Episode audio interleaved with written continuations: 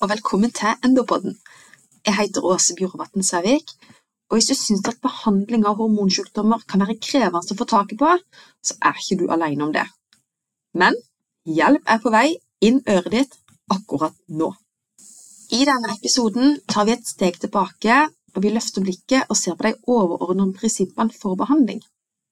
Men i stedet for å liste opp alle behandlingsråd ved alle hormonsykdommer, så vil jeg i stedet gi konkrete eksempler underveis og så vil vi gå ganske grundig gjennom behandling av én sykdom, nemlig primær hypotyreose.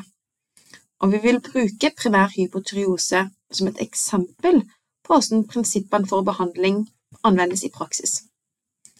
Om du er interessert i detaljer i behandling av andre enkeltsykdommer, så har vi allerede en del episoder ute som dekker akkurat det, eksempel episoder om type 1-diabetes, type 2-diabetes, elektrolyttforstyrrelser og kjønnshormonforstyrrelser.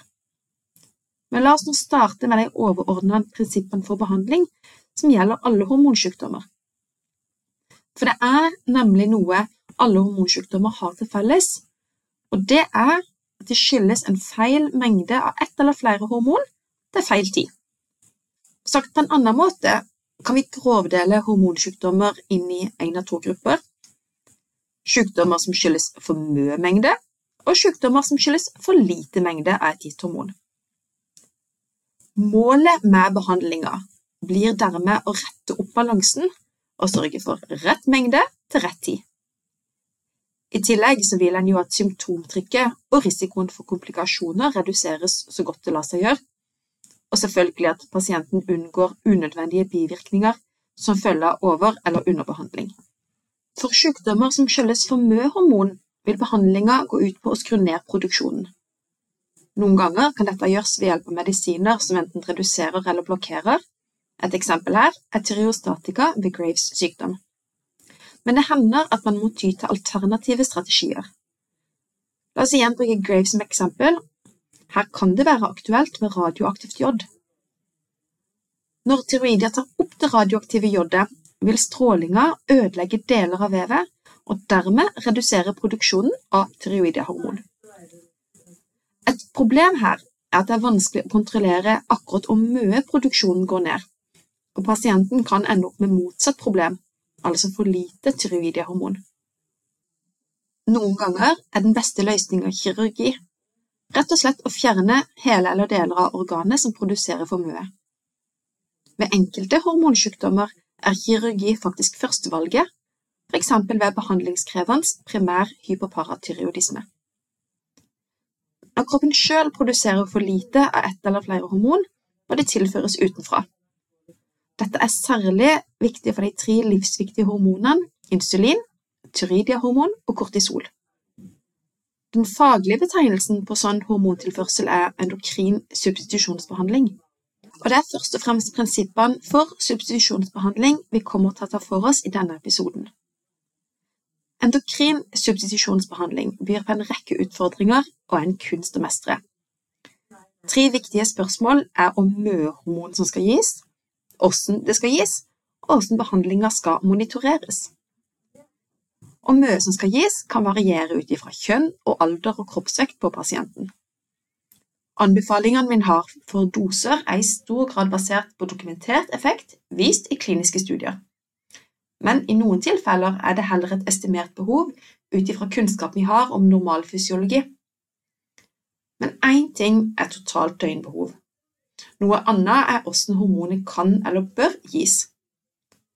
For hormoner i kroppen skilles normalt ut i et bestemt mønster, og dette er vanskelig å etterligne med medikamenter. Hva som er normal mengde av et gitt hormon, er ikke nødvendigvis likt gjennom en hel måned. Det er jo menstruasjonssyklusen et godt eksempel på.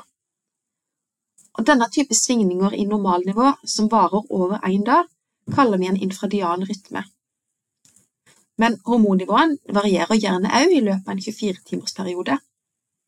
Denne type døgnvariasjoner følger en cirkadian rytme, mens variasjoner som forekommer enda hyppigere, altså ned på time- og minuttnivå, kalles ultradian rytme.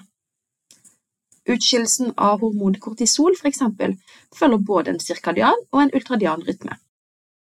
Normalt er kortisolnivået på det laveste midt på natta, men så begynner det å stige tidlig om morgenen og når gjerne en topp i 8-9-tida, før det gradvis begynner å dale igjen utover dagen, ettermiddagen og kvelden.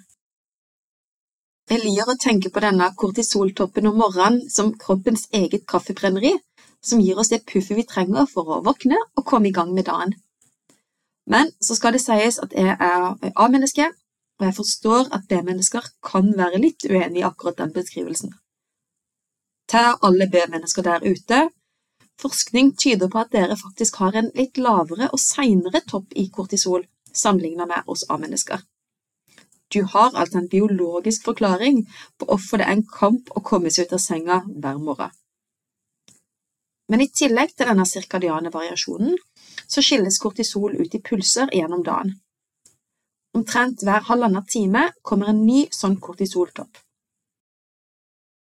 Og det viser seg at denne pulsrytmen er viktig for korrekt uttrykk av gener i mange vev.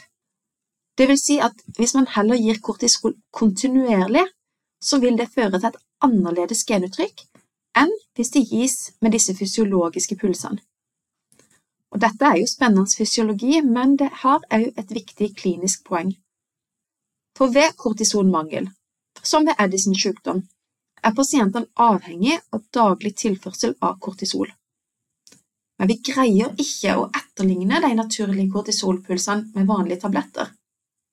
Og hvis pasienten følger et typisk behandlingsregime med to til tre kortisontabletter om dagen, så vil han eller hun ende opp med to til tre suprafysiologiske topper, og samtidig ha perioder i løpet av dagen med unormalt lave verdier. Det er altså ikke likegyldig hvordan hormoner erstattes. Forskere ved Haukeland i Bergen har faktisk gjort studier på om kortisolpumpe kan være en mulig løsning, altså tilsvarende insulinpumpe ved diabetes. Resultatene til nå har ikke vært revolusjonerende, men det har vist nytte for enkelte pasienter. I tillegg må effekten av behandlinga monitoreres og dosene tilpasses. Et klassisk eksempel her er bruken av HbA1c til å vurdere blodsukkerkontrollen ved type 1 og type 2-diabetes. En høy HbA1c, da snakker vi altså om verdier over 53 eller 64 millimol per lol, tyder på at blodsukkeret i snitt har vært for høyt de siste to til tre månedene.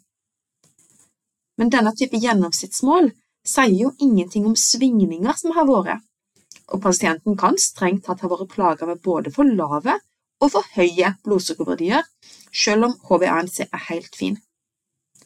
Men nylig er det kommet et nytt verktøy som kan være et nyttig supplement i vurderinga, nemlig tid i målområdet, eller time in range, som det heter på engelsk. Tid i målområdet vil si hvor stor prosentdel av tida blodsukkernivået er innenfor det ønskelige 4–10 millimol per liter. Målet er minst 70% altså minst 17 av døgnets 24 timer. Det er særlig nyttig ved type 1-diabetes eller pasienter med insulinkrevende type 2-diabetes, men det innebærer også at pasienten må bruke en sensor for kontinuerlig blodsukkermåling, og med alle de ulempene det innebærer. Vi har nå snakka litt generelt om de tre viktige spørsmålene ved substitusjonsbehandling, altså om mye som skal gis, hvordan det skal gis, og hvordan behandlinga skal monitoreres. Men la oss nå gå mer helhetlig og konkret til verks og ta for oss behandlinga av primær hypotyreose. Ved primær hypotyreose er det for lite tyreoidehormon, nærmere bestemt for lite T4 og T3. T4 er egentlig et lagringshormon, og det må omdannes til det biologisk aktive T3 for å virke. Vi behandler primær hypotyreose ved å tilføre T4 medikamentelt, typisk i form av levotyraksin som Levaksin. Og alle som faktisk har påvist hypotyreose, bør behandles. Av og til kan det òg være aktuelt å starte behandling ved subklinisk hypotyreose. Mer om det kan du høre om i episoden vår om nettopp subklinisk hypotyreose. En typisk oppstartsdose av Levaksin er 100 mikrogram i døgnet. Så kan man titrere opp eller ned, og de fleste ender på en 75-150 mikrogram Levaksin som vedlikeholdsdose for å holde seg symptomfrie. Likevel er det lurt å revurdere dosen regelmessig, da behovet kan endre seg, f.eks. med alder, vektendring og ved svangerskap. Vi bruker TSH-verdien til å titrere oss fram til rett dose, behandlingsmålet TSH innenfor referanseområdet. Men her er det viktig å huske at det tar tid før TSH stabiliseres. Det er derfor ikke noe poeng i å måle TSH hyppigere enn hver sjette uke. Og til alle endonerder der ute som elsker detaljer, vi snakker her om primær hypotyreose. Men dersom årsaka til tyroidehormonmangelen sitter et hakk opp, altså i hypofysen, kan vi jo ikke lenger bruke TSH.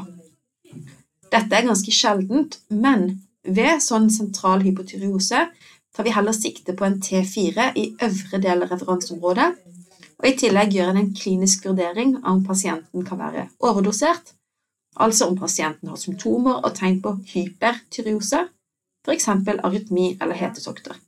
Men tilbake til primær hypotyreose. Det er viktig at pasienten får informasjon om at mat og drikke, men også enkelte andre medisiner, kan påvirke om mulig vaksinen som kroppen faktisk tar opp. Man bør derfor ta Levaksin fastende, og ikke samtidig med noe annet. Helst vente noen timer før man spiser eller drikker eller tar medisiner som inneholder mye kalsium og jern. Men så tenker kanskje noen av dere hvorfor gir vi ikke bare den aktive varianten T3? Nå gjør faktisk det av og til, altså lyotyronin, som tillegg til Levaksin. Problemet er bare at det aldri er vist faktisk nytte av å gi det i kliniske studier. Men det er likevel sånn at enkelte pasienter opplever at de får det bedre med et tillegg av T3, og dersom pasienten fremdeles er plaga med hypotyreotiske symptomer til tross for en optimalisert levaksinbehandling, og pasienten har et sterkt ønske om å prøve, så kan en forsøke en liten dose liotyrenin i tillegg til levaksin. Behandling med tyroidiaekstrakt derimot, det anbefales ikke. Før man greide å framstille tyroidehormon på 1950-tallet, brukte man bl.a. tyroideekstrakt fra dyr for å behandle hypotyreose men med varierende utfall. Og vi mangler dokumentasjon både på effekten og sikkerheten, og det er derfor man som regel holder godt igjen. Men dersom tyroideekstrakt likevel skal brukes, så bør det være som tillegg til vanlig levaksin, da det inneholder ganske mye T3 sammenlignet med T4. Dersom TSH-verdien svinger veldig, eller ikke normaliserer seg, eller pasienten har behov for en svært høy dose, og da Her er et viktig poeng at det ikke er resepten som gir behandlingseffekt, men at faktisk pasienten tar medisinen og gjør det rett. Og Som lege er det viktig at du sørger for å gi pasienten tilpasset informasjon om når og hvordan tabletten skal tas. Dette er jo et prinsipp som gjelder ved behandling av alle sykdommer. I kjernejournalen kan man se om medisinen er henta ut, og hvis den ikke er det, kan det være flere grunner til det. Men selv om de gode refusjonsordningene vi har her i Norge, så kan en være bevisst på at for enkelte kan økonomi være en hindring. Mer vanlig er det nok at medisinen tas uregelmessig, man glemmer den litt, eller man tar den fast med ting som kan påvirke opptaket. Men noen pasienter så kan det òg være at de har redusert opptak som følge av diaréproblemer eller kanskje cøliaki, for å nevne noe. Og dersom problemet er betydelig, så kan det være aktuelt med intravenøs behandling istedenfor tabletter, men her snakker vi virkelig om unntakene.